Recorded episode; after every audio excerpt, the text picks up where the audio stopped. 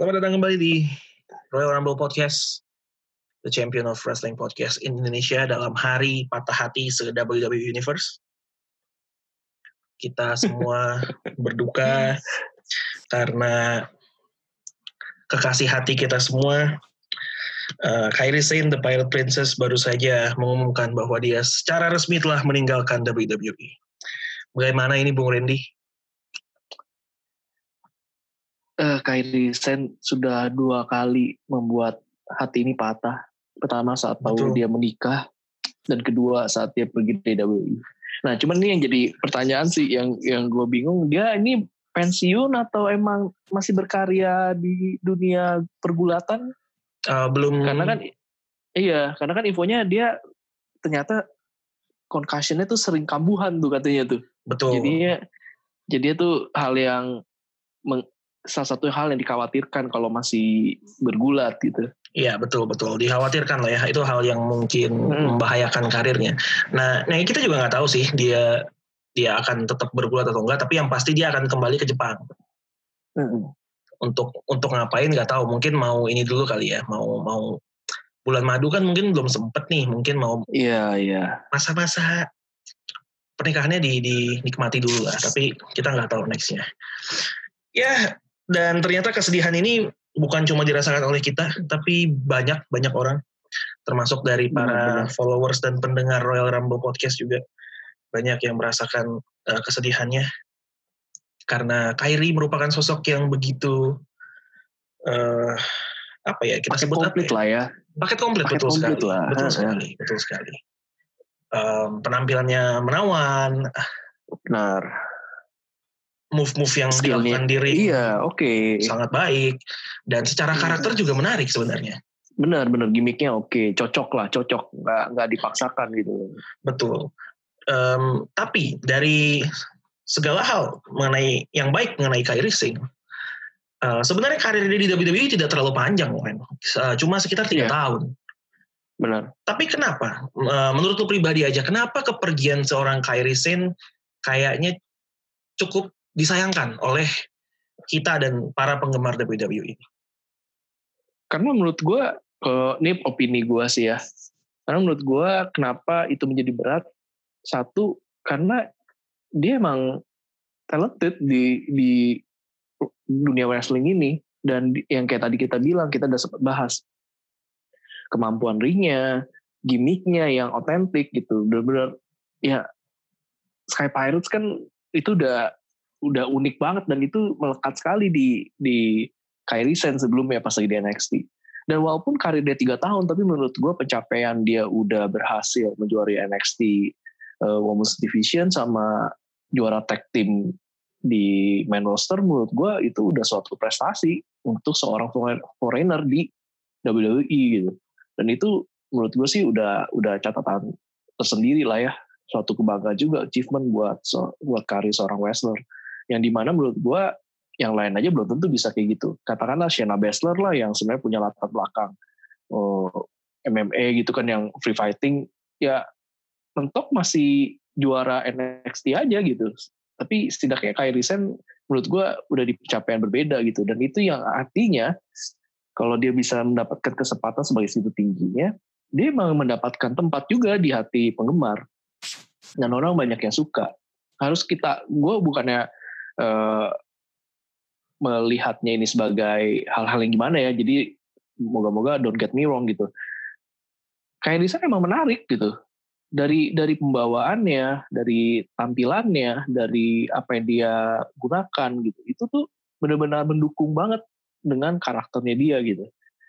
Dan ya satunya lagi fakta gitu dia emang emang emang menawan juga gitu loh dan itu yang membuat orang itu jadi kayak ngeliatnya paket lengkap kecuali uh, mix skillnya ya mungkin masih terbatas itu satu kekurangannya dan makanya jadi kayak hal yang kayak gini akhirnya dia cabut dengan waktu singkat itu membuat orang kayaknya masih aduh ini kayak sebenarnya orang bisa masih bisa lebih nih kayak dia masih bisa dibawa ke mana lagi yeah, gitu iya, untuk betul, untuk betul. untuk untuk untuk mendapat suatu hal yang lebih wah lagi dalam perjalanan karirnya tapi harus terhenti nah itu yang buat orang jadi kayaknya merasa sayang dan akhirnya ketika dia memutuskan pergi jadi kayak apa ya meninggalkan lubang di hati hati kita semua. iya, kita masih ingin melihat Kyrie Sane soalnya. bener bener. karena kok karena kenapa kenapa? Karena bener yang lu bilang sih yang yang yang poin di mana ini orang bisa lebih. Hmm. Gue merasa kalau diberikan waktu dan mungkin mungkin kalau ada penonton yang sudah kembali ke arena, kita WWE itu masih berutang kepada kita untuk memberikan single run sebagai baby face untuk Kyrie Sane. Iya di main roster khususnya ya. Di main roster betul. Kita bener, udah bener. kita udah ngeliat itu di NXT bekerja dengan iya, sangat iya, baik. Iya. Ini tipikal karakter yang kayaknya lu impossible lu kalau hate dia, nggak mungkin gitu kayak ini sangat lovable, emang ultimate baby face banget gitu karakter pirate yeah, princessnya. Yeah. Udah nggak bisa lu nggak bisa benci dia. Dan dan menurut gue itu yang tadinya kita di main roster mengharapkan itu. Yang sayangnya um, belum sempat kejadian. Karena dia harus di pair sama Asuka dan turn heel. Dan dan dia menjadi heel bukannya jelek ya ternyata karakter heelnya yang kayak Gumiho itu yang kayak QB itu. Iya iya. Cukup menarik buat gue heel heelnya heel heel yang yang agak jenaka dan dan cukup menghibur gitu tapi memang gue merasa jika diberikan waktu Kyrie Sen single run seorang face bakal jadi hit yang gede di main roster. Dan itu yang sayangnya kita belum kita nggak bisa lihat. Dan nggak tahu di masa iya. depan akan nggak bisa lihat atau enggak ya moga-moga aja uh, tubuhnya juga tetap fit ya. Jadi masih bisa berkarir. Siapa tahu nanti suatu saat dua tahun lagi tiba-tiba kayak bisa comeback gitu kan wah seru juga gitu ya iya betul betul betul. Ya, nah, tapi kalau mau comeback jangan terlalu tua lah. Karena kan untuk gimmick Pirate Princess kalau udah agak peot uh, susah juga ya. Kayaknya, ya kayak kan untuk seorang wanita mengaku-ngaku dia bajak laut kan harus harus wanita muda gitu loh Ren. Maksudnya yang yang masih bisa berimajinasi, masih ngayal-ngayal gitu kan. Kalau udah agak nenek-nenek gitu kan bilang saya pirate princess. Wah ngarang nih orang. Nggak dipercaya. Halu deh. Halu banget. Iya iya iya iya. Bener-bener. Aduh ini jadi hari sedih kita bersama nih aduh, pas lagi pengumuman. Tadinya gue mikir, ya. aduh. Tadi kan pas pagi, eh pas kemarin kita ngobrol, ya udah kita rekaman besok deh. Oke, semangat nih gue. Terus pagi abis raw, aduh, apa nggak usah rekaman ya? hilang mood moodnya nggak ada. Gila, aduh ya Allah. Bagaimana aku harus menjalani tiap hari Selasa? Itu hari Raw tuh lagi dukanya para pegulat Jepang kayaknya. Iya mungkin kayaknya dunia gulat Jepang ngelihat Raw tadi sedih kayaknya. Sedih ya.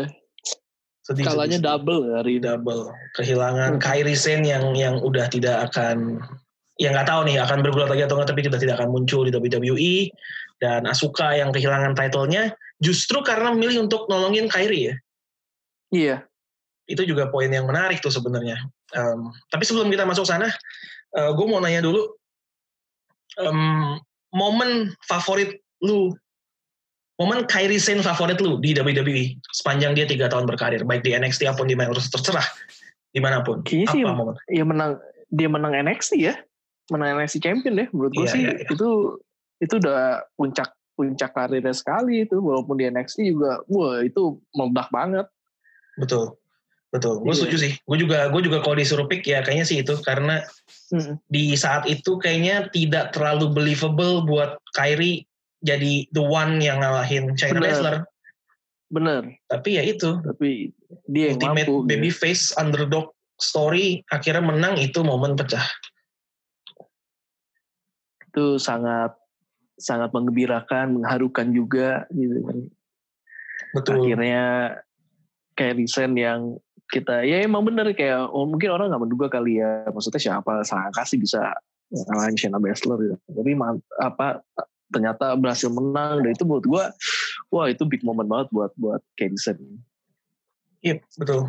Dan momen di mana dia kalah lagi dari Shayna kehilangan titlenya tuh promo dia setelahnya tuh kayak heartbreaking. Masih ini yang ini yang membuat gue merasa lu nggak mungkin bisa benci sama Kyrie. Momen di mana dia yang bilang ya gue ini kan Pirate Princess terus kotak harta karun gue sekarang kosong itu kayak momen kayak di mana ah iya, gitu iya, loh iya. kayak iya iya iya, iya we need iya. to protect Kyrie at all cost ayo berangkat mana Shayna Baszler balikin tuh harta karun woi kayak momen itu loh gue merasa kayak Ini orang nggak bisa dibenci men. Lu, lu pasti pasti orang mau dukung dia, pasti cinta sama dia gitu. Iya iya iya iya.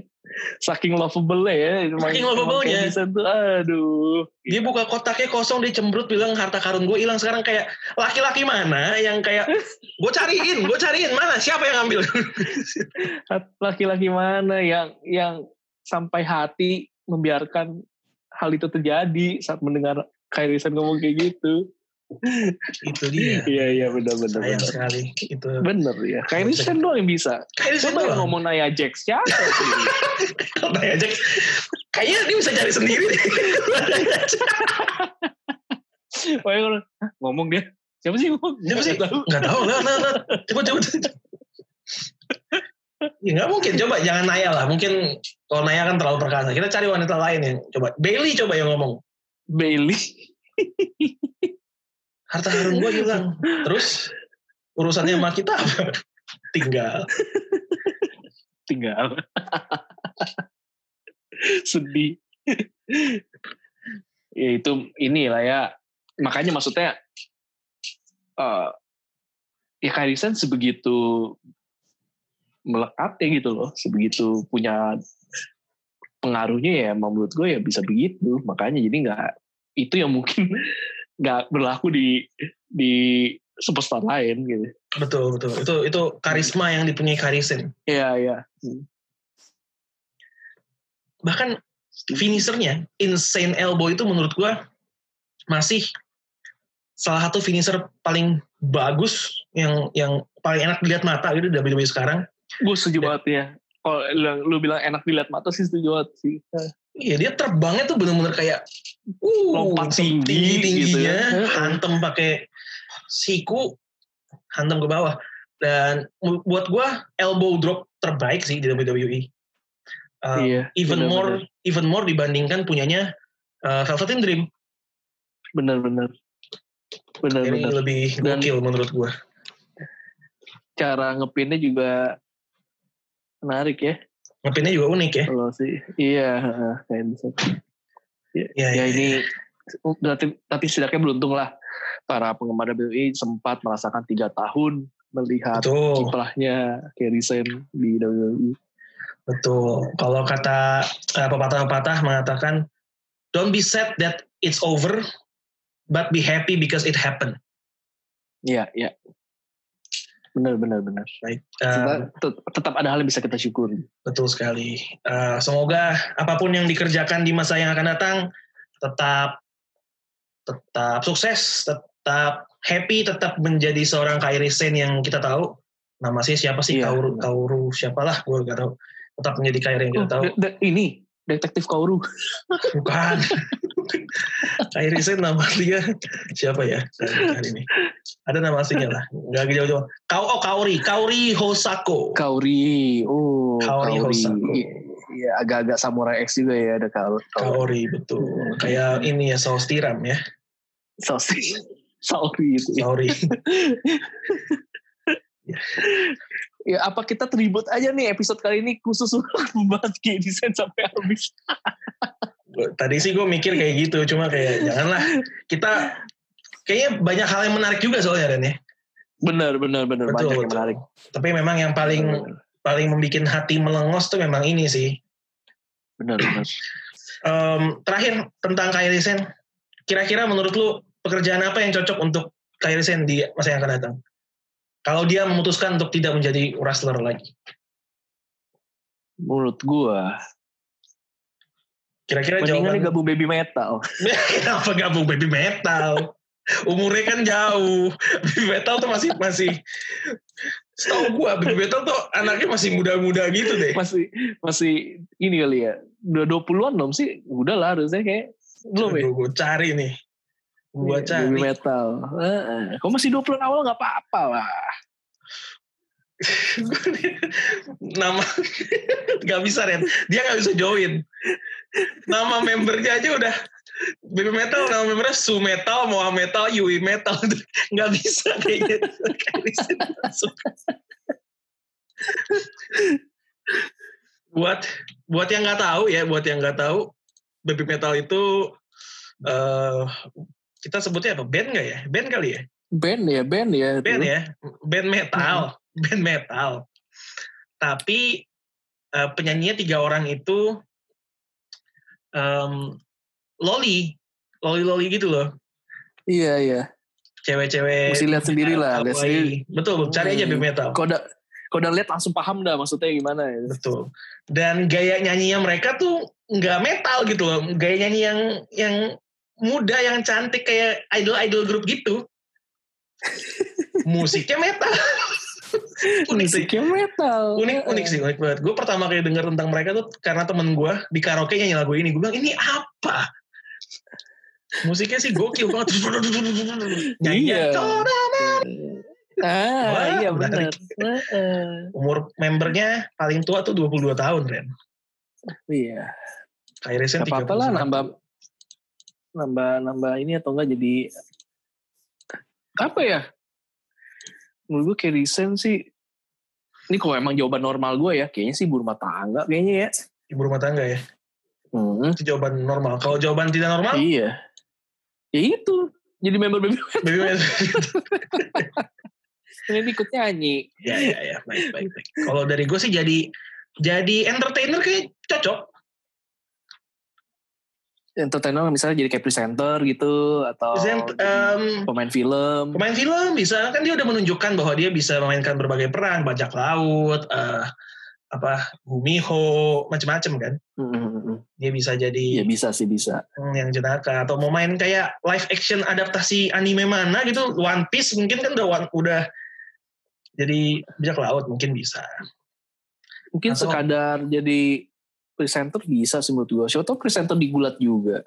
Oh iya, benar kan kan di Jepang iya. juga besar ya NJPW. Bener. Mungkin uh. bisa dipakai tuh di backstage. Atau justru mau masih mau bergulat di NJPW juga boleh. Atau mau berkarir di dunia film di industri lain juga, industri film lain juga boleh. Oke, kita iya, lanjut ke contohnya. Enggak usah kita lanjut saja. Enggak usah, enggak usah. Kita kita next saja. oke, oke, kita next saja. Kita next saja. Belum sebelum, sebelum makin ada kode-kode nuklir yang bertebaran, mendingan kita next saja. Um, kita udah bahas tadi bagaimana Asuka kehilangan titlenya karena um, nolongin Kairi Sane. Dan setelah Raw tadi juga Asuka nge-tweet nih bahwa uh, eh, gue lupa tweetnya apa, tapi mau mengatakan ya jelas gue milih nolongin temen gue lah dibanding kehilangan dibanding title gitu loh. Jadi gue mendingan temen yeah. gue dibanding title tuh nggak ada apa ya dibanding temen gokil. Kurang lebih dia mau ngomong kayak gitulah satu kalimat doang sih. Tapi okay. dengan kegagalan Asuka ini uh, dengan betapa setia kawannya Asuka membuat apa yang minggu lalu belum jelas menjadi jelas minggu ini. benar benar benar. Yaitu keberadaan uh, dua orang juara singles yang menjadi tag team, yaitu ada Bailey Dos Straps dan juga Two Belt Sasha. Bagaimana pendapat Anda mengenai Two Belt Sasha yang akhirnya benar-benar menjadi kenyataan minggu ini, Bung Randy? Gue gue bingung ininya doang sih. Uh, sebenarnya nih ya, ini sebagai pencapaian kali ini fenomenal banget sebenarnya. Betul. Sejarah baru ini karena ini Tapi pertama kenapa, kalinya untuk divisi iya, iya. perempuan iya. ada yang seperti mereka. Iya, tapi entah kenapa kok gue gak, gak, gak terlalu excited gitu dengan dengan capaian ini. Beda kayak pas Kit Lee double champion gitu ya. Wih, kayaknya euforianya dapet itu. Gue gak ngerti apakah gue ada faktor jenuh kali ya. Lihatnya Bailey sama Sasha Banks lagi gitu. Uh, yang akhirnya dapat momen seperti ini atau ada faktor lain nah itu sih yang gue kayak masih sulit untuk mencari tahu juga sih. Walaupun satu sisi gue seneng juga sih karena uh, Sasha Banks akhirnya menurut gue kalau emang bener-bener dia mau kembali ke top performanya lagi puncaknya karir dia itu dia mas juara yang yang uh, women's champion bukannya yang tag team beginian gitu. Uh, gimana ya? Ya paling komen gue ya selamat. Mereka punya sejarah baru. Tapi yang gue penasaran ya udah. Ya selamat lah ya. Kayak rela nggak rela gitu tapi ya selamat lah. Ya selamat lah. Ya iya gitu. Selamat lah. Ini kan capaian juga kan nih achievement juga juga. Cuman gue penasarannya ini bakal kayak gimana gitu. Karena satu satu satu satu satu yang paling yang jelas adalah ini kan beda brand nih yang yang dijuarain nih. Yep. Jadi mereka sering muncul di dua brand ini. Nah pertanyaan selanjutnya mana yang bakal dilepas duluan? Apakah gelar tag teamnya atau uh, gelar divisi apa atau women's championnya? Yang kalau misalkan tag teamnya yang duluan yang lepas, berarti mereka ini kan bakal split dong harusnya. Oh, nah, kalau misalkan iya. Uh, atau mereka tiba-tiba muncul terus dua-duanya ya gue gak ngerti lah kenapa nanti bakal gimana lagi atau kalau misalkan emang nanti ujung-ujungnya lepas yang lepas malah women's champion ya wah siapa orangnya ya gue berharap kayak sih kayaknya sih ya lebih seru lepas lepas ini dulunya aja deh women's championnya dulu kalau selama tag team ceweknya belum ada yang benar-benar oke okay juga untuk di juara yang baru Ya, tapi ya, paling sih gue pikir gitu. Menurut gue kalau mereka udah lepas salah satu title, title-title lain akan segera menyusul tuh lepasnya tuh. Layaknya undisputed era ya. Iya iya kayak justru aroma-aroma perpecahan mereka adalah mungkin dari single title seseorang lepas, ah, agak perpecahan, terus harus defend tag timnya karena nggak kompak bubar uh, kalah juga, keambil juga, akhirnya udah saling nyalahin, gitu akhirnya pecah bisa, bisa, mungkin bisa. mungkin cuma dengan ya benar yang lo bilang ya karena mereka ini sebenarnya dua title di dua brand mereka punya tag team mereka akan sering muncul di dua dua di kedua show-nya. Dan tidak menutup kemungkinan tag teamnya akan dipertahankan di NXT juga jadi kemungkinan muncul di tiga show. Ini membuat wacana brand split mulai dibilang ini kayaknya bakal bakal nggak terlalu ngaruh nih brand split karena ada mereka makin lama ntar gue nggak menutup kemungkinan bahwa nanti si Asuka sama Nikki Cross bakal uh, tag team untuk melawan mereka karena masing-masing lawannya kan. Iya. Jadi ada ada wacana itu cuma gue merasa juga kayaknya nggak mungkin brand splitnya udahan deh karena kan SmackDown sekarang di Fox. Bener nah itu. Agak susah juga. Bener. Nah ini jadi agak-agak ngejelimet sih gitu dan kenapa harus buat kayak gitu? Kan gue mikirnya ya moga-moga ini jangka pendek ya kalau jangka panjang sih waduh menurut gue bisa rawan bosen gitu loh. Iya iya iya. Kecuali ya kecuali kecuali intrik-intrik uh, friksi di antara mereka sebagai Desa sama Belly itu bisa keangkat lagi ya itu mungkin buat sesuruhan bisa deh. Karena gue mikirnya menurut gue kayak sayang gitu misalkan satu ada satu tim juara double champion gitu tag team sama Most Division sementara sementara ada yang ada yang superstar cewek lain dikasihnya kan ngadu karaoke kan kesel gue kayak gimana gitu loh ini kan orang bisa dipakai gitu loh. Akhirnya ya emang sekarang akhirnya jadi konflik uh, baru sih ya mereka lanjut terus gitu. Tapi menurut gue kan ya itu apa gitu. Kayaknya ya sayang aja gitu betul betul betul. Setuju gue maksudnya tapi tapi kalau tujuan WWE adalah untuk bikin kita sebel sama kedua orang ini dengan mereka menjuarai semua title cewek di main roster menurutku berhasil sih. Ya itu berhasil sih. Berhasil. Karena kita empat sama mereka. Kita udah udah jangan mereka deh udah buru-buruan. Kita jadi sebel sama mereka menurutku itu berhasil. Cuma gue setuju, mudah-mudahan jangan terlalu lama karena kita sebelnya nanti bukan sebel secara karakter, sebel ke personal ya, brand sebel personal. Karena ya. karena itu udah terjadi sama Belly, itu udah udah udah mulai ada udah mulai ada ada nih, udah mulai mulai muncul nih. Udah Aduh, mulai ya, udah mulai. Kalau iya. Mas Sasha masih secara karakter ya? Iya, iya. masih secara karakter lah gitu. Tapi kalau mau Belly nih, waduh, nih gawat-gawat nih lama-lama bisa benar-benar iya, iya. Mm-mm. Kita punya masalah. Lama-lama iya, lama-lama ngegeser Charlotte dia nanti. Untuk mm. alasan yang berbeda. Iya. Iya, ya gitu. kita kita kita lihatlah nanti kita bingung sih. Maksudnya gue bingung tapi cukup menantikan sebenarnya apa yang akan diperbuat oleh WWE dengan uh, Sasha dan Bailey dan juga dengan Asuka dan juga dengan Nikki Cross dan Alexa Bliss sebenarnya karena Benar-benar. Kemarin juga antara mereka mulai tercium aroma perpecahan tuh. Perpecahan. Nah. Menurut lu, siapa yang bakal pecah duluan? Bailey Sasha atau Alexa Nikki Cross? Yang kalau di depan mata sih kayak bener-bener sih Nikki Cross sama Alexa ya. Yang sudah mulai nih. Iya. Kalau yang ini kan nggak tahu nih. Udah muncul berkali-kali tapi nggak jadi, nggak jadi. Nah, bisa jadi malah si Nikki Cross sama Alexa duluan yang lebih straight gitu. Ya udah gue mah nggak suka nggak suka aja gitu langsung bang. Gue juga merasa Alexa sama Nikki yang yang bakal duluan pecah sih. Iya. Kalau kalau benar Alexa sama Nikki duluan pecah, lu mau lihat yang heelnya yang mana? Karena kan dua-duanya lagi face nih sekarang. Kayak sih mendingan Alexa yang heel ya. Lebih excellent nih sebagai heel. Alexa. Iya. heeh. Dia lebih, jatuh. lebih lebih greget lah. Ya, dia jatuh pada peran-peran demis dia. Bener bener bener. Kalau yang heel tuh lebih gimana gitu. Betul. Hmm, Alexa Sasha, eh, Alexa Sasha, Bailey Sasha. Nah, kita lihat, gue merasa Asuka belum kelar sih. Mungkin minggu depan bakal Lanjut lagi ya. bakal lanjut lagi sama sama Sasha mungkin gue nggak tahu. Eh, tapi secara match sendiri sebelum akhirnya Sasha eh sebelum akhirnya Asuka harus nolongin Kairi Sen untuk matchnya sendiri eh, gimana? Apakah lebih baik dibandingkan match mereka di Extreme Rules atau merasa sebenarnya lebih buruk dibanding di, di Extreme Rules? Karena di Extreme Rules sebenarnya barnya tinggi banget sih. Iya, sebenarnya nggak nggak terlalu nggak terlalu gimana banget sih ya.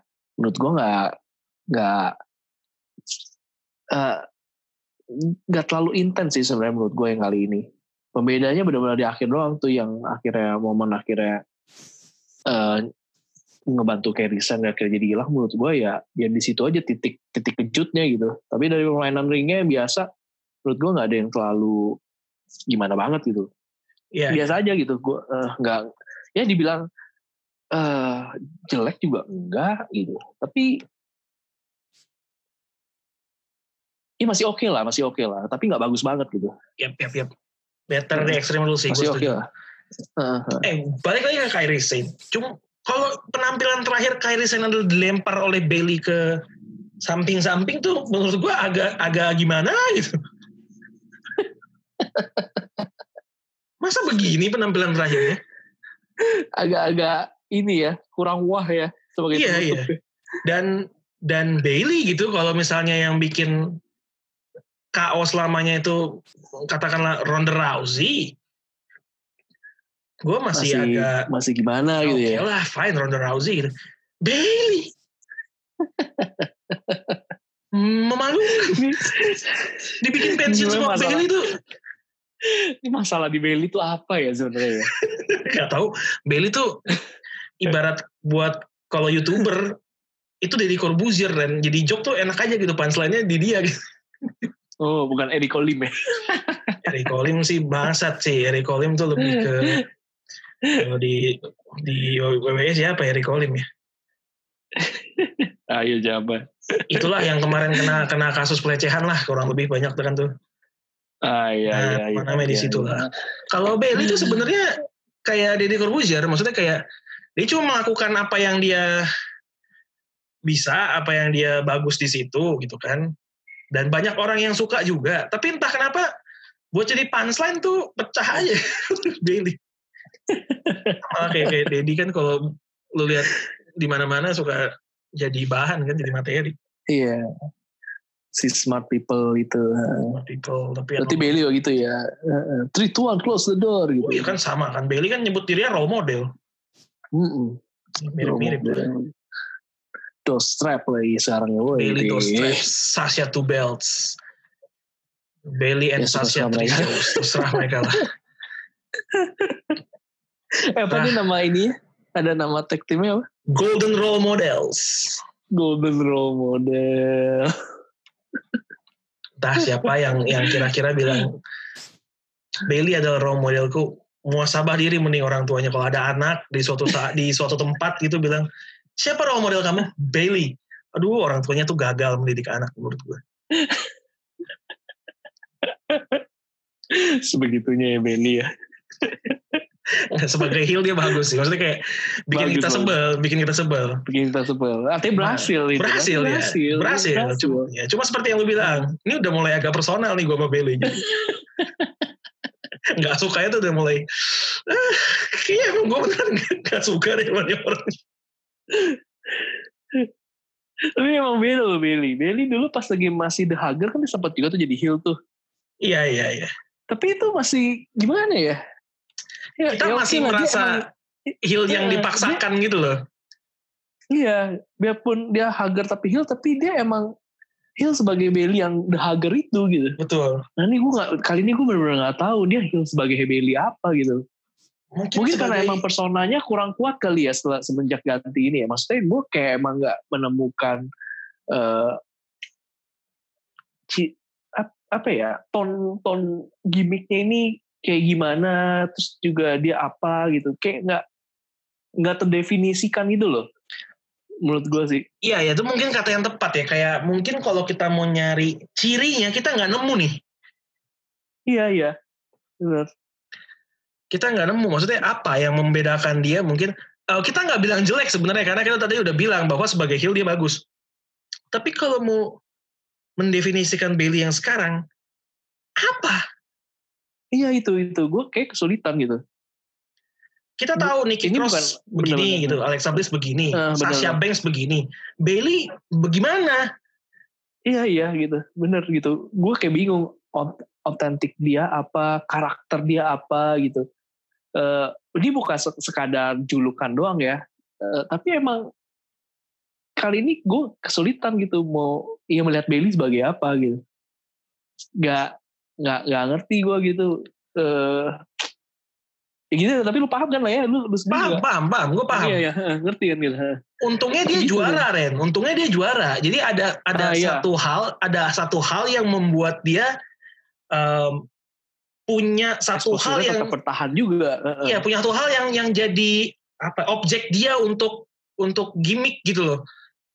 Gue yang gue bingung nanti Iya, kalau iya. dia udah nggak juara dengan dengan gimmick dia yang sekarang bisa nggak dia bertahan gitu? Gue gue ngerinya nggak bisa takutnya. Takutnya harus ada satu hal yang diubah lagi dari dia. lagi. ya. Betul betul. Kayak sih butuh sih, butuh sih Eh, Bailey yang gimana ya? Dia yang benar-benar bisa dia tuh benar-benar into banget di karakter itu sih. Menurut gue nanti pasti ada sih kalau emang mau dicari.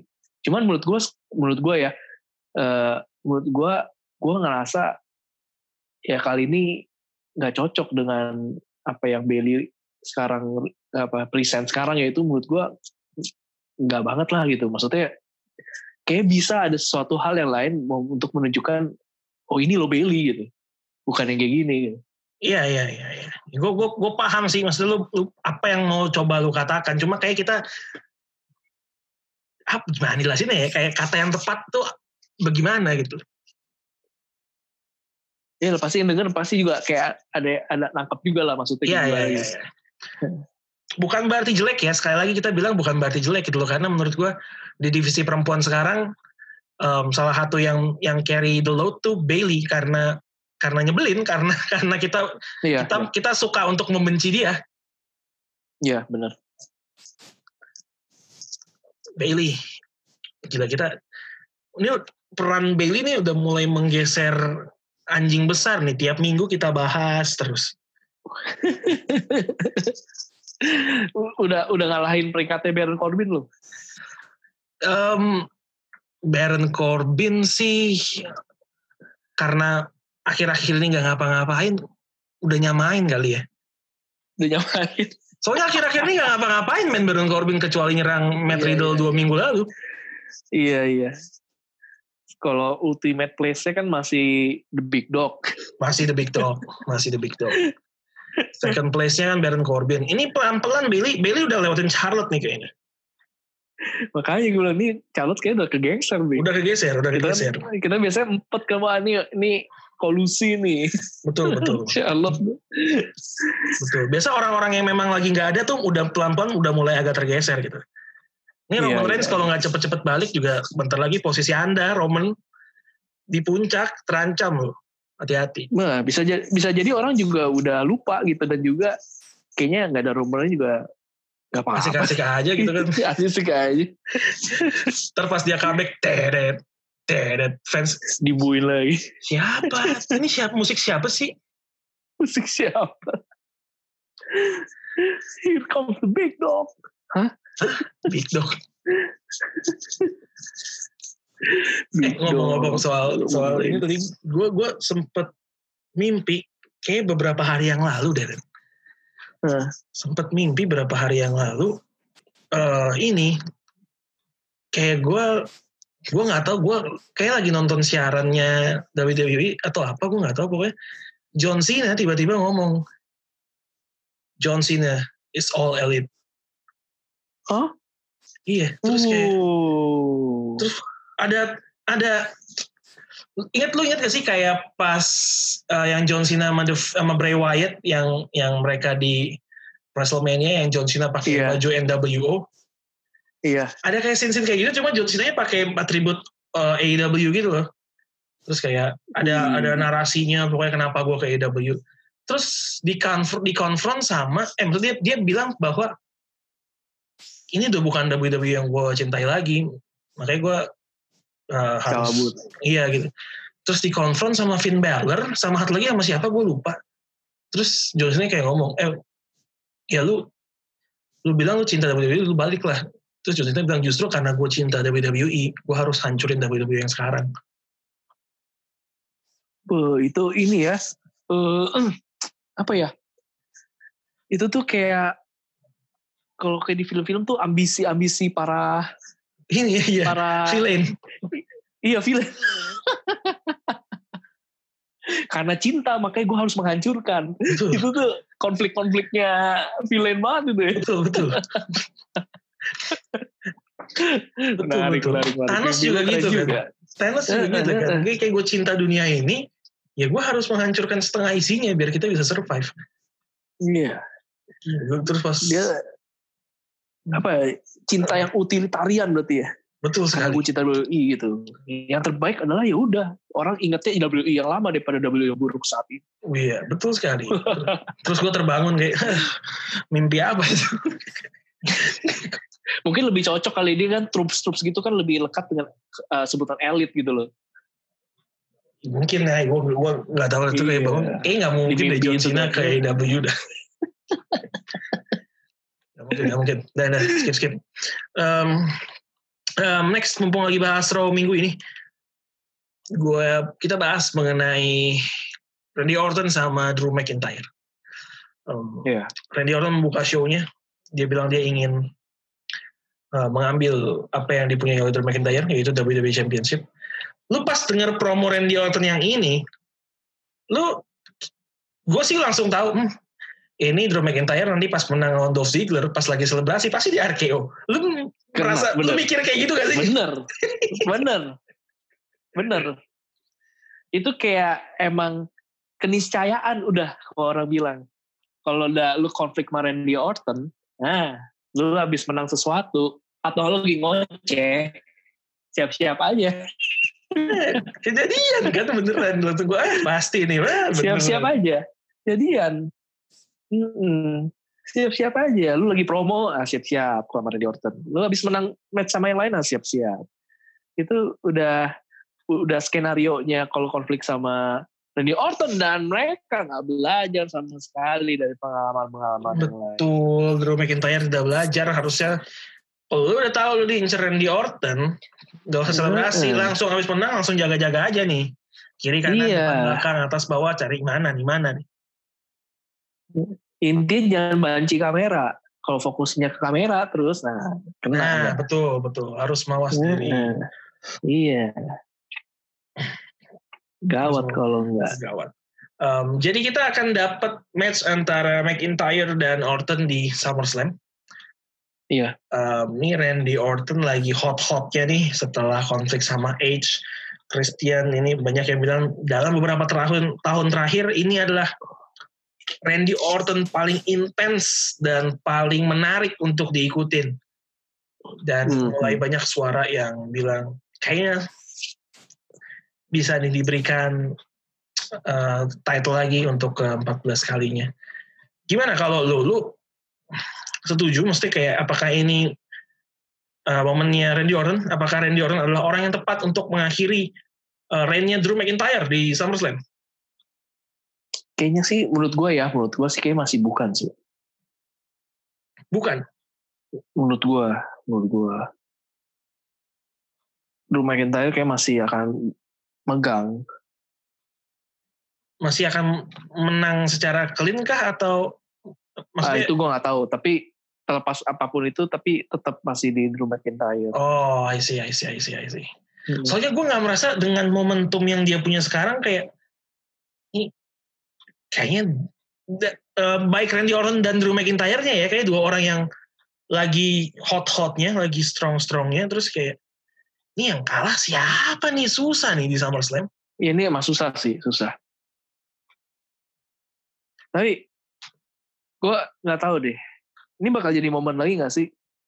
Kisah lama juga bakal diulang lagi gitu. Dalam gue nggak tahu deh. Dalam arti kayak gini nih. Mungkin nggak Drew McIntyre bakal dipertemukan lagi sama Adam Cole gitu. Adam Cole? Tiba-tiba dia muncul di SummerSlam gitu. Bas, undisputed era. Hmm, menarik sih, menarik sih. Tapi tapi untuk itu uh, eh maksudnya untuk Adam Cole muncul di akhir dan dan hajar Drew McIntyre buat gua nggak nggak harus titlenya tetap di Drew McIntyre kan ya bisa juga sih. Tapi menurut gue, menurut gue ya, kalau emang ini momennya Randy Orton, harusnya itu, misalkan contoh dalam in order tuh 14 times, uh, eh, 14 time dia udah juara uh, eh, WWE Champion, menurut gue tuh bisa dikasih dari sebelumnya, di kesempatan-kesempatan yang udah ada. Tapi kenapa sekarang gitu? Gue nggak ngelihat ada urgency akhirnya itu mau dituju gitu. Nah, kalaupun ada, kalaupun ada, menurut gue justru kesulitannya adalah nyari opponentnya lagi gitu. Kecuali ya, kecuali skenario emang undisputed era nggak ada, mungkin bisa dilanjutin lagi sama Drew McIntyre. Tapi, tapi kalaupun emang kalau misalkan emang Randy Orton yang menang, di sisi lain menurut gue itu menunjukkan bahwa Drew McIntyre bukan juara yang hebat sih jadi. Karena eh, dia menang di WrestleMania, di SummerSlam dia udah gone lagi. Hmm, iya, iya. emang kalau emang dibuat kayak gitu ya, walaupun itu possible banget sih kalau Randy Orton pun menang gitu. Karena kayak lu bilang, wah nih dua orang ini temuin gue juga bingung nih yang yang yang bakal menang bakal siapa gitu. Yap, yap, yap. Uh, makanya itu sih yang yang buat gue. Cuma gak tahu kalau misalnya kalahnya sama Randy Orton yang sekarang, menurut gue belum tentu ngebuat Drew McIntyre terlihat lemah sih. Tergantung nanti bookingannya dia setelah kalah. Kalau asumsinya Randy Orton yang menang di SummerSlam at least kok nggak ya Randy Ortonnya pakai cara licik lah gitu atau enggak ya dirty play gitu loh nah, itu mungkin masih masih mungkin lah untuk menjaga nama Drew McIntyre gitu. Hmm, iya ya. Soalnya kayak ada skenario idaman juga di mana Randy Orton pegang titlenya di sampai WrestleMania di mana akhirnya dia punya finale sama sama Edge tapi kali ini untuk WWE Championship di mana nanti Edge bakal dapat title reign uh, ke-12 dan dan possibly terakhir sebelum dia benar-benar pensiun for good. Uh, tapi tuh masih lama banget anjir. Iya betul. Kalau dia menang dari SummerSlam ini berarti Randy Orton tuh reigningnya lama sekali sampai nanti WrestleMania lagi. Iya betul, sampai sekitar berapa bulan lah, setengah tahun lebih kan itu sih itu sih menurut gue pertaruhan yang apa ya menurut gue sih tuh gambling banget. Gambling banget. Mungkin buat di Wrestlemania bakal pecah ya mungkin ya. Iya, iya. karena wah Edge akhirnya uh, dapet. Tapi Edge yang dalam satu tahun pertandingannya terbatas dengan akhirnya mempertahankan di Orton juara sampai sampai Wrestlemania sih menurut gue sih itu pertaruhan banget anjir memang agak tricky sih pastinya sih ya, uh, hmm. karena veteran terus dioper ke lebih veteran lagi yang tampil juga terbatas memang memang tricky untuk nge-build ke depannya sih. Iya, iya. Kalaupun kayak gitu tuh bakal challenging banget sih gimana biar storyline tetap menarik gitu. Karena kita Tuh. akan melihat ya ya Randy Orton emang harus diakuin dia emang superstar luar biasa lah. Gue gua mengakui itu dan dan dia emang gak diragukan lagi lah. Dia dia talent yang hebat itu. Tapi menurut gue itu challenging banget sih kalau ngelihat dia terus sebagai juara uh, sampai WrestleMania gitu. Wow. Itu masih benar-benar uh, menarik gitu. Gue ngerinya, gue ngerinya itu suasana yang kayak gue ngeliat sekarang lagi Bailey sama Sasa lagi yang sedang jaya-jayanya saat ini yang ah, iya sih yang juara Bailey sama Sasa Banks tapi oh, agak-agak gimana gitu ya dan akan gue sayangkan sih kalau Drew McIntyre tidak dapat uh, momen dia keluar sebagai juara di tengah penonton beneran. Iya iya iya. Itu sangat gue sayangkan sebenarnya. Walaupun gue nggak tahu nih di Amerika katanya mulai bulan Agustus udah mau mulai plan uh, masukin fans lagi. Cuma kan situasi COVID di sana makin menggila juga ya. Iya, nggak membaik kayak di negara-negara lain gitu loh. Jadi agak dikhawatirkan juga sebenarnya dan gue nggak yakin sebenarnya di Agustus udah bisa masuk bener deh. Gue rasa mundur iya, Apollo, lagi. Apollo Cruise itu COVID kan deh? Emang udah resmi ya? Gak tahu, gak tahu kan gue terakhir dengar isunya gitu bener gak sih dia kena covid uh, kemarin sih dibilang dicurigai sempat nggak lolos uh, uji uji covid. ya. terus gue nggak tahu gue belum nyari nyari beritanya lagi dan to be honest Apollo Cruz kayak tidak terlalu menjual untuk di berita jadi gue nyari susah ya. Apa berita nyari informasi Gak ada. Ya, ini berita tentang Apollo Crews yang yang gue dengar. Itu ya seminggu yang lalu dan yang terakhir reportedly tested positive for COVID-19. Abis itu nggak ada update. Bahkan WWE sendiri kayak udah, iya gue usah diupdate lah statusnya Apollo Crews gitu loh.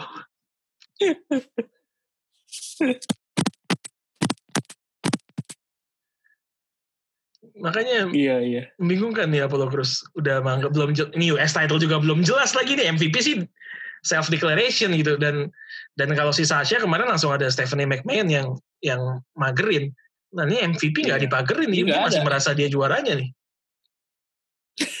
Apollo-nya juga nggak nongol hmm. Apollo Cruz coba dia nggak ngoceh di Twitter apa gitu coba gue cari Twitternya ya emang nggak menjual Apollo Crews nih.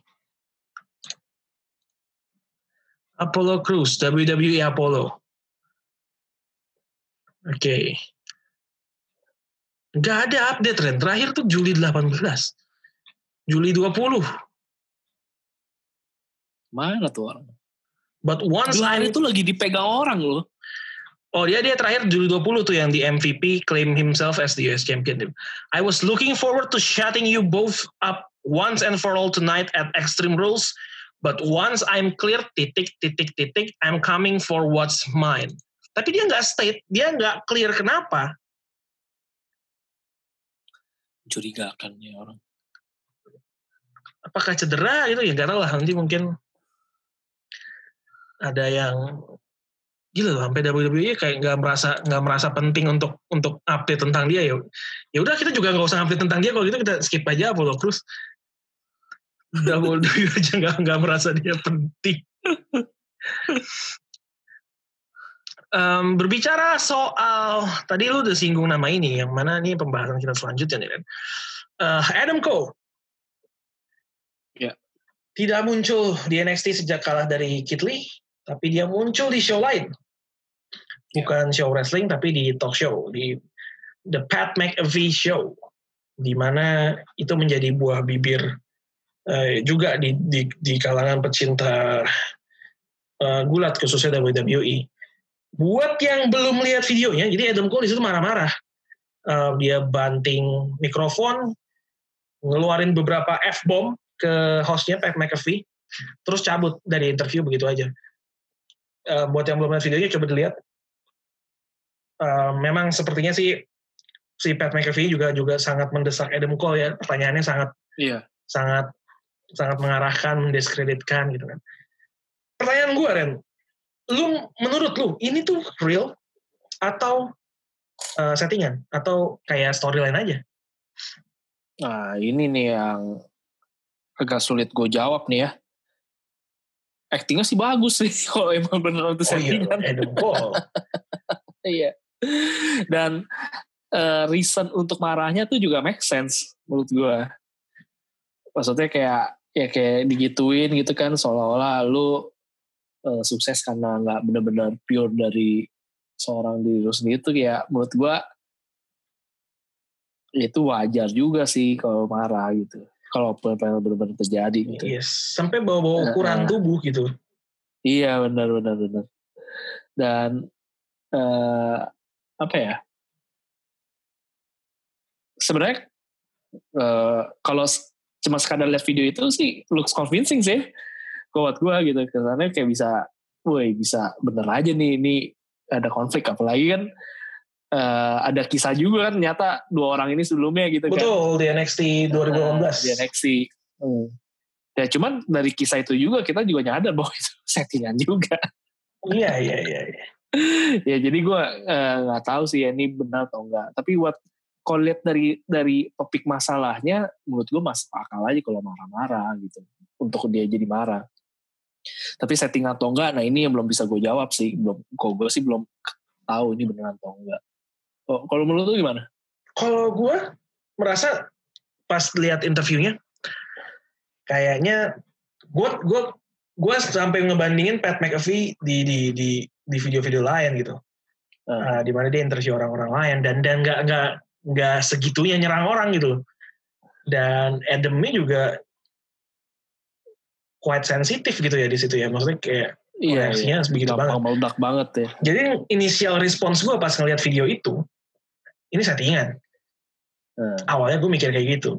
Kemudian kemarin muncullah apology dari Adam Cole yang membuat gue Hmm. mempertanyakan lagi, ini settingan atau itu beneran nih? Ini kalau misalnya kalau misalnya settingan ngapain dia minta maaf gitu kan ya? Walaupun bukan ke Pat McAfee-nya, ngapain dia minta maaf? Tapi respon per- dari Pat McAfee-nya terhadap permintaan maafnya Adam Cole membuat gue kembali berpikir lagi, ini settingan deh kayak Karena- responnya dia terhadap permintaan maafnya tuh kayak braggadocious aja kayak bratty banget Ah, banget sih. dan dan dan ini kan di studio itu Pat McAfee nggak sendiri ada tim ada timnya kan ada beberapa orang di situ Iya, iya. yang mikrofon juga masa kalau itu real orang-orang lainnya juga kayak nyudutin Adam Cole gitu loh yang si Pat McAfee bilang Kompak bener ya? ah, was I being condescending? No, no, no, no. Kayak, kayak settingan deh. kayak tai banget itu. Semua orang masa begitu. Iya, iya, iya, iya. iya. Dan dia ngupload screenshotnya kan pas dia nginvite Adam Cole ke ke show-nya.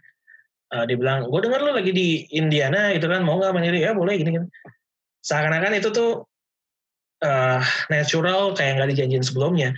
Setahu gua, WWE itu ketat untuk regulasi superstarnya superstarnya eh, datang ke show orang lain Acara lain ke ya. acara lain itu ketat dan nggak mungkin WWE nggak tahu karena mereka ada yang ada regulasinya lah itu yang bikin gue makin mikir ini kayaknya settingan ini kayaknya bakal Settingan. bakal berujungnya antara dua antara Pat McAfee-nya mungkin mau kayak ada match biasalah kayak kayak siapa Mike Tyson kayak siapa kemarin Tyson Gronk. Fury gitu loh Eh, Rob Gronkowski juga ya celebrity appearance lah one match lawan Adam Cole atau Iya. justru lead ke perpecahan undisputed era karena di self defense-nya Adam Cole narasinya begitu ya. hmm, Narasinya udah gitu. di self defense-nya Adam Cole kan dia ngomong no oh I'm the longest reigning WWE NXT champion Iya. and it's all because of me because of myself And maksud gue itu yang mungkin bisa jadi bumbu-bumbu Iya, ke mana. iya, tapi iya. gue masih merasa ini settingan kalau gue Iya, iya. Make sense sih. Ya, make sense sih. Gua masih Besar banget kemungkinan itu emang settingannya. Iya karena Semua itu adalah bagian dari cerita ini yang hanya konspirasi. betul sekali dan hari ini tadi Triple H main ke Pat McAfee show untuk bahas soal ininya Adam Cole. Kan kayak seriously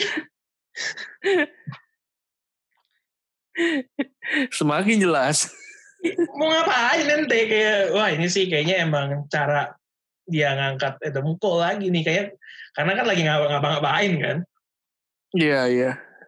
dan katanya gue lupa petinggi-petingginya WWE emang emang emang high on Adam Cole sih kayaknya. Dia merasa nih this guy can be can be salah satu top star untuk 10 tahun ke depan di WWE jadi kayaknya mau out prospect ya. Hmm. out prospect karena kalau si Pat McAfee kan bintang lah gitu kan. Mungkin dengan menaruh Adam Cole di sana dia bisa keangkat diperkenalkan ke market yang lebih luas. Benar. Begitu. Oke sebelum kita akhiri episodenya uh, tadi gue udah nanya-nanya beberapa hal di Twitter. Ada beberapa pertanyaan ya kan yang yang yang harus kita jawab. Lu lah kita jawab, jawab. ya? Lu yang jawab lah lu nanyain aja. Ini jangan dong lu jawab juga dong. So, pertanyaannya berat-berat nih para para pendengar Rumble juga agak lu yang berat-berat suruh gua doang yang jawab lu ah. Agak kampret nih emang. Ini coba gue bacain satu ya gue bacain satu ya. Iya iya yeah, iya. dari yeah. Instagram, dari account sore underscore imaginer. Kira-kira NWO kapan NWO kapan balik min buset? Kapan? Mana gue tahu. Ini yang nanya siapa? Yang nanya? Sore underscore imaginer. Anda kok nanya kayak lagi nanya ke dukun? Kira-kira NWO kapan balik men? Sulit, sulit, sulit. Kayak lagi konsultasi Halo, Ren? Keperamal gitu. Halo? Iya. Kembali ya. terhubung. Uh, iya, dia nanya kayak lagi nanya ke peramal gitu, kayak lagi konsultasi ke peramal. Emang, emang. Terus gue balas ke dia, sulit pertanyaannya gue bilang. Sulit tapi penting Min, banyak yang kangen soalnya. Atau gue aja ya WKWK. Uh, kalau gitu kita jawab ini aja. Lu juga kangen gak sama NWO Ren? Atau memang dia aja? NWO menurut gue itu gak bisa bener-bener dilihat sebagai sebuah stable.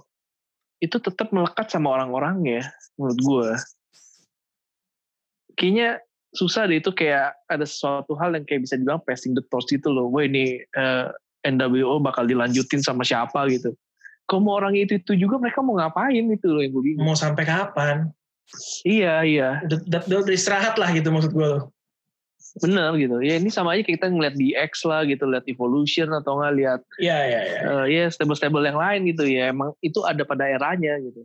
Ya kalau mau dibikin baru mungkin bisa aja dengan orang yang baru itu mungkin aja gitu. Tapi ya kalau berharap NWO dengan orang yang lama menurut gue sih ya itu nggak mungkin sih. Ya, Paling muncul-muncul doang gitu gaya-gayaan di ring, sapa-sapa, ya, ya. udahan. Gitu. Untuk untuk episode-episode khusus gitu kan biasanya gitu doang. Hmm. Untuk ya sifatnya emang seremonial aja gitu. Betul betul. Tapi kalau untuk diimplement ke dalam storyline lagi, gue nggak prefer sih karena seperti kata Vince McMahon kemarin, sekarang saatnya untuk WWE create new stars yang bisa carry the company untuk satu dekade ke depan. Iya, create new stars atau enggak comot calon superstar superstar dan bintang dari tempat lain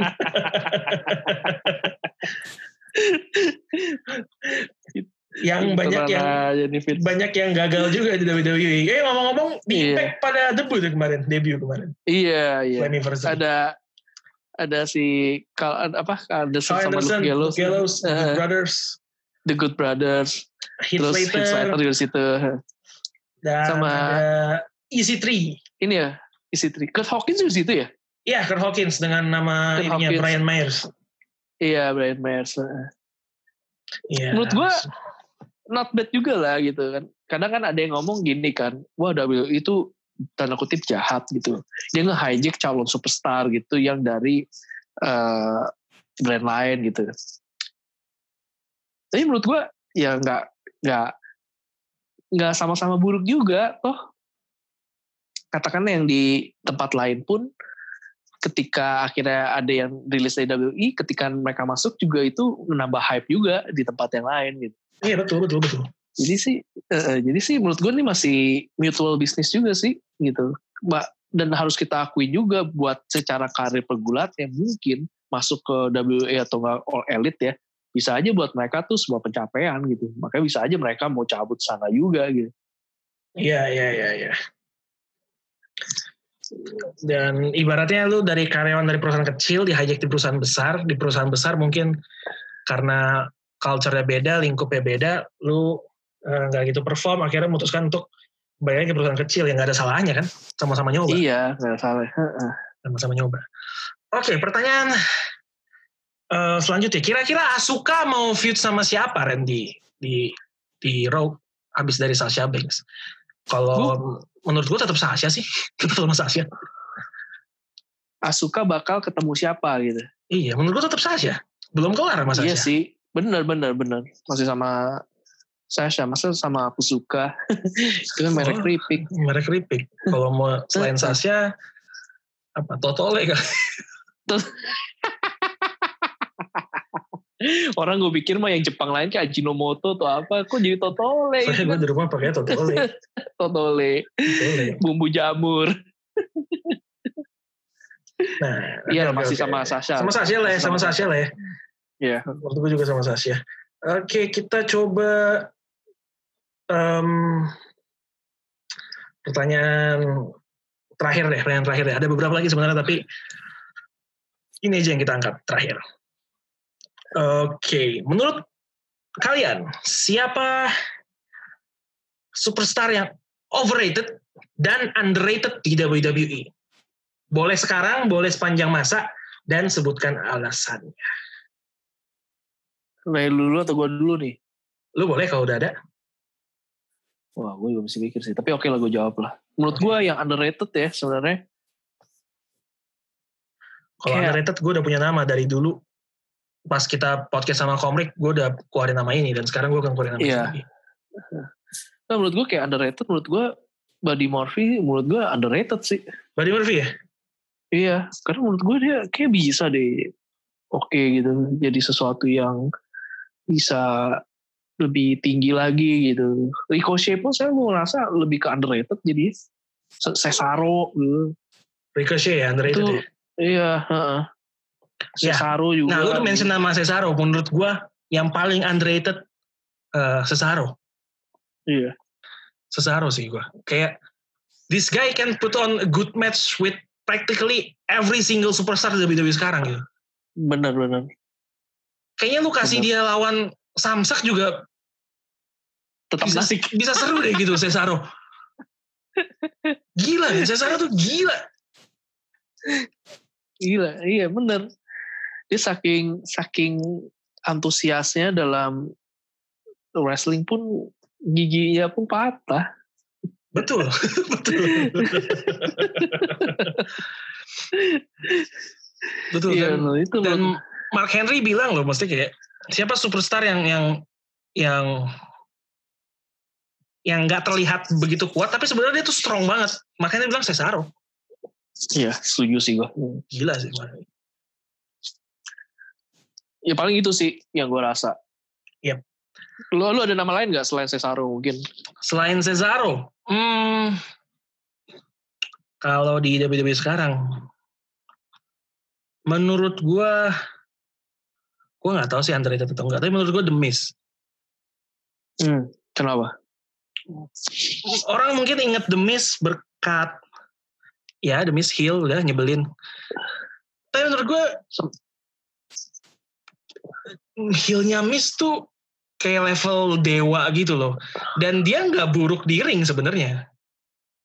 Dia menjalankan move set move set dia sebagai heel dengan dengan perfect gitu. Benar benar benar. Apalagi gue ingat banget tuh yang lagi sama John Cena sebenarnya tuh ngemalasin banget tapi dia tetap bisa eh yang menjalankan itu dengan baik gitu walaupun menurut gue itu ngebuat dia keliat kampret banget sih. Iya iya iya. Iya iya. Kalau diberikan waktu untuk dia perform sebagai face pas kayak ketika dia lawan Shane McMahon menurut gua oke okay loh The Miz tuh maksudnya mungkin nggak di level uh, AJ Styles atau atau siapa tapi tapi oke okay gitu loh nice iya iya lu ngomong The Miz gue juga jadi inget John Morrison menurut gue juga underrated deh kayak saat ini gue gak ya? nyangka dia Sekarang ya? NAP, iya, iya NAP cuma begitu doang. Pas lagi gue pikir dia pas lagi comeback ke WWE, gue pikir dia bisa bakal fenomenal gitu perjalanannya. Ternyata gak terlalu juga. Iya iya iya iya. Kayak sangat disayangkan sih. Gue Iya. pikir gue pikir bisa jadi single kompetitor yang cukup gimana gitu. Maksudnya yang memberikan warna baru di persaingan title lah. Ternyata cuma sama The Miz doang. iya. Kalau yang overrated nih, ini mungkin lebih tricky nih. Pertanyaan kalau overrated. Overrated. Overrated.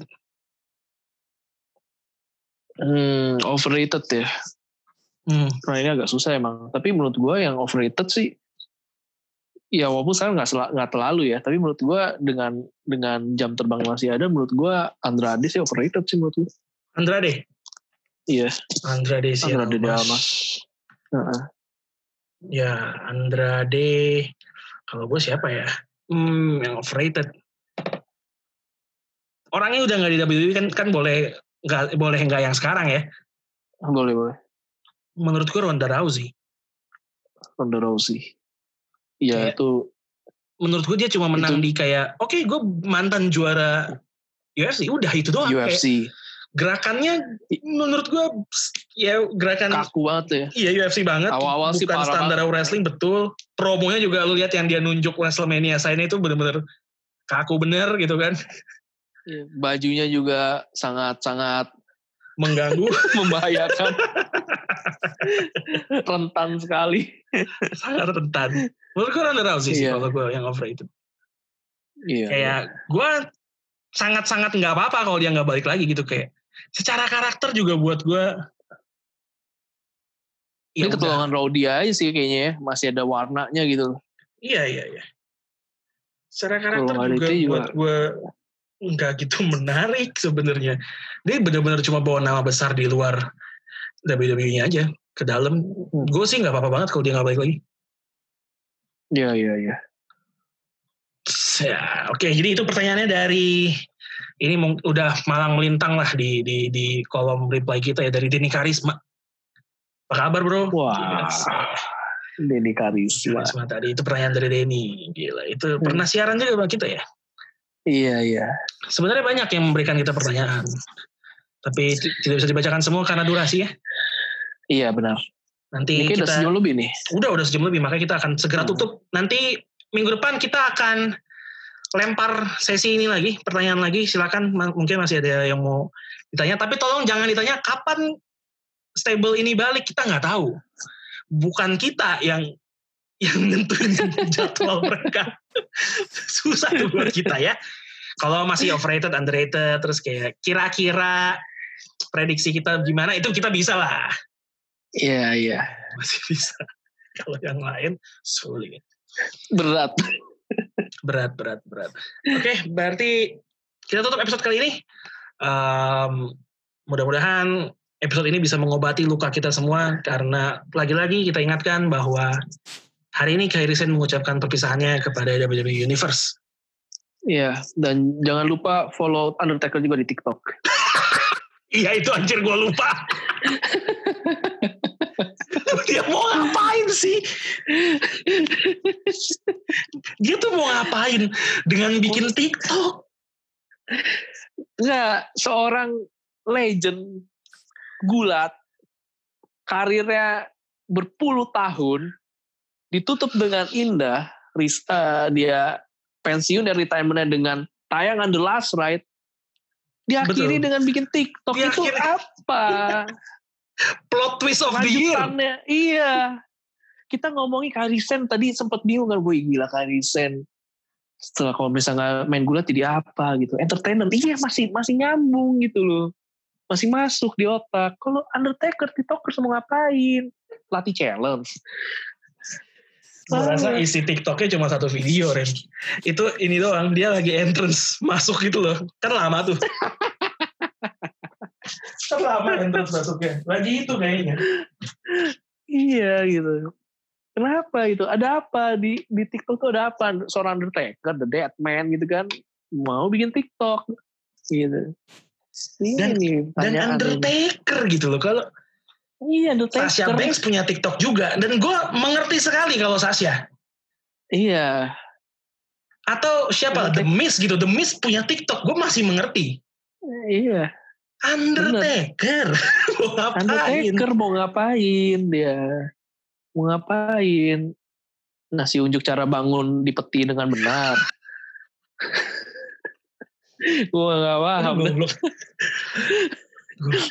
Undertaker isi isi TikToknya gitu bangun dari peti, bangkit dari kubur, manggil druid, gak jelas. Gitu aja terus. Cara ini roll mata biar putih. Undertaker. Dari sekian banyak orang tuh di Undertaker di daftar daftar paling agak-agak akhir orang yang paling impossible punya TikTok gitu loh. Iya, gue tuh curiga siapa yang nyaranin dia. Atau emang. Undertaker sendiri yang demen gitu. Dia sebelum tidur ngeliatin orang kan juga juga di TikTok gitu kan. Kayak Nggak mungkin deh kayaknya. nggak mungkin. Sangat nggak Undertaker. Atau selama ini citra banget. iya ngerusak citra banget. Apa selama ini kita yang salah mengenali Iya, Undertaker? kayak kita yang salah ya. Gue rasa jangan-jangan dia emang demen kali scrolling terus dia kan liatin TikTok gitu. Wah ini lucu nih. Ada challenge-challenge apa ini gitu kan. Gawat loh kita. Kitanya aja nggak tahu nih emang. Undertaker bikin video entah apa yang menakuti. Dia lihat kan apa ini? Seperti mati lampu challenge. Wah, Wah. gawat dah. gawat dah. Oke, kita nantikan saja kiprahnya Undertaker di TikTok dia mau Kiprahnya ngapain ya. Di TikTok mau ngapain ya? Mau kita ngapain tunggu ya? dah. Kita tungguin. Mudah-mudahan tidak merusak citra. Tetap Undertaker yang kita kenal. Mudah-mudahan. Baiklah, kalau begitu terima kasih telah mendengarkan Royal Rumble Podcast bersama saya Alvin Arianto dan Dan Randy Valley.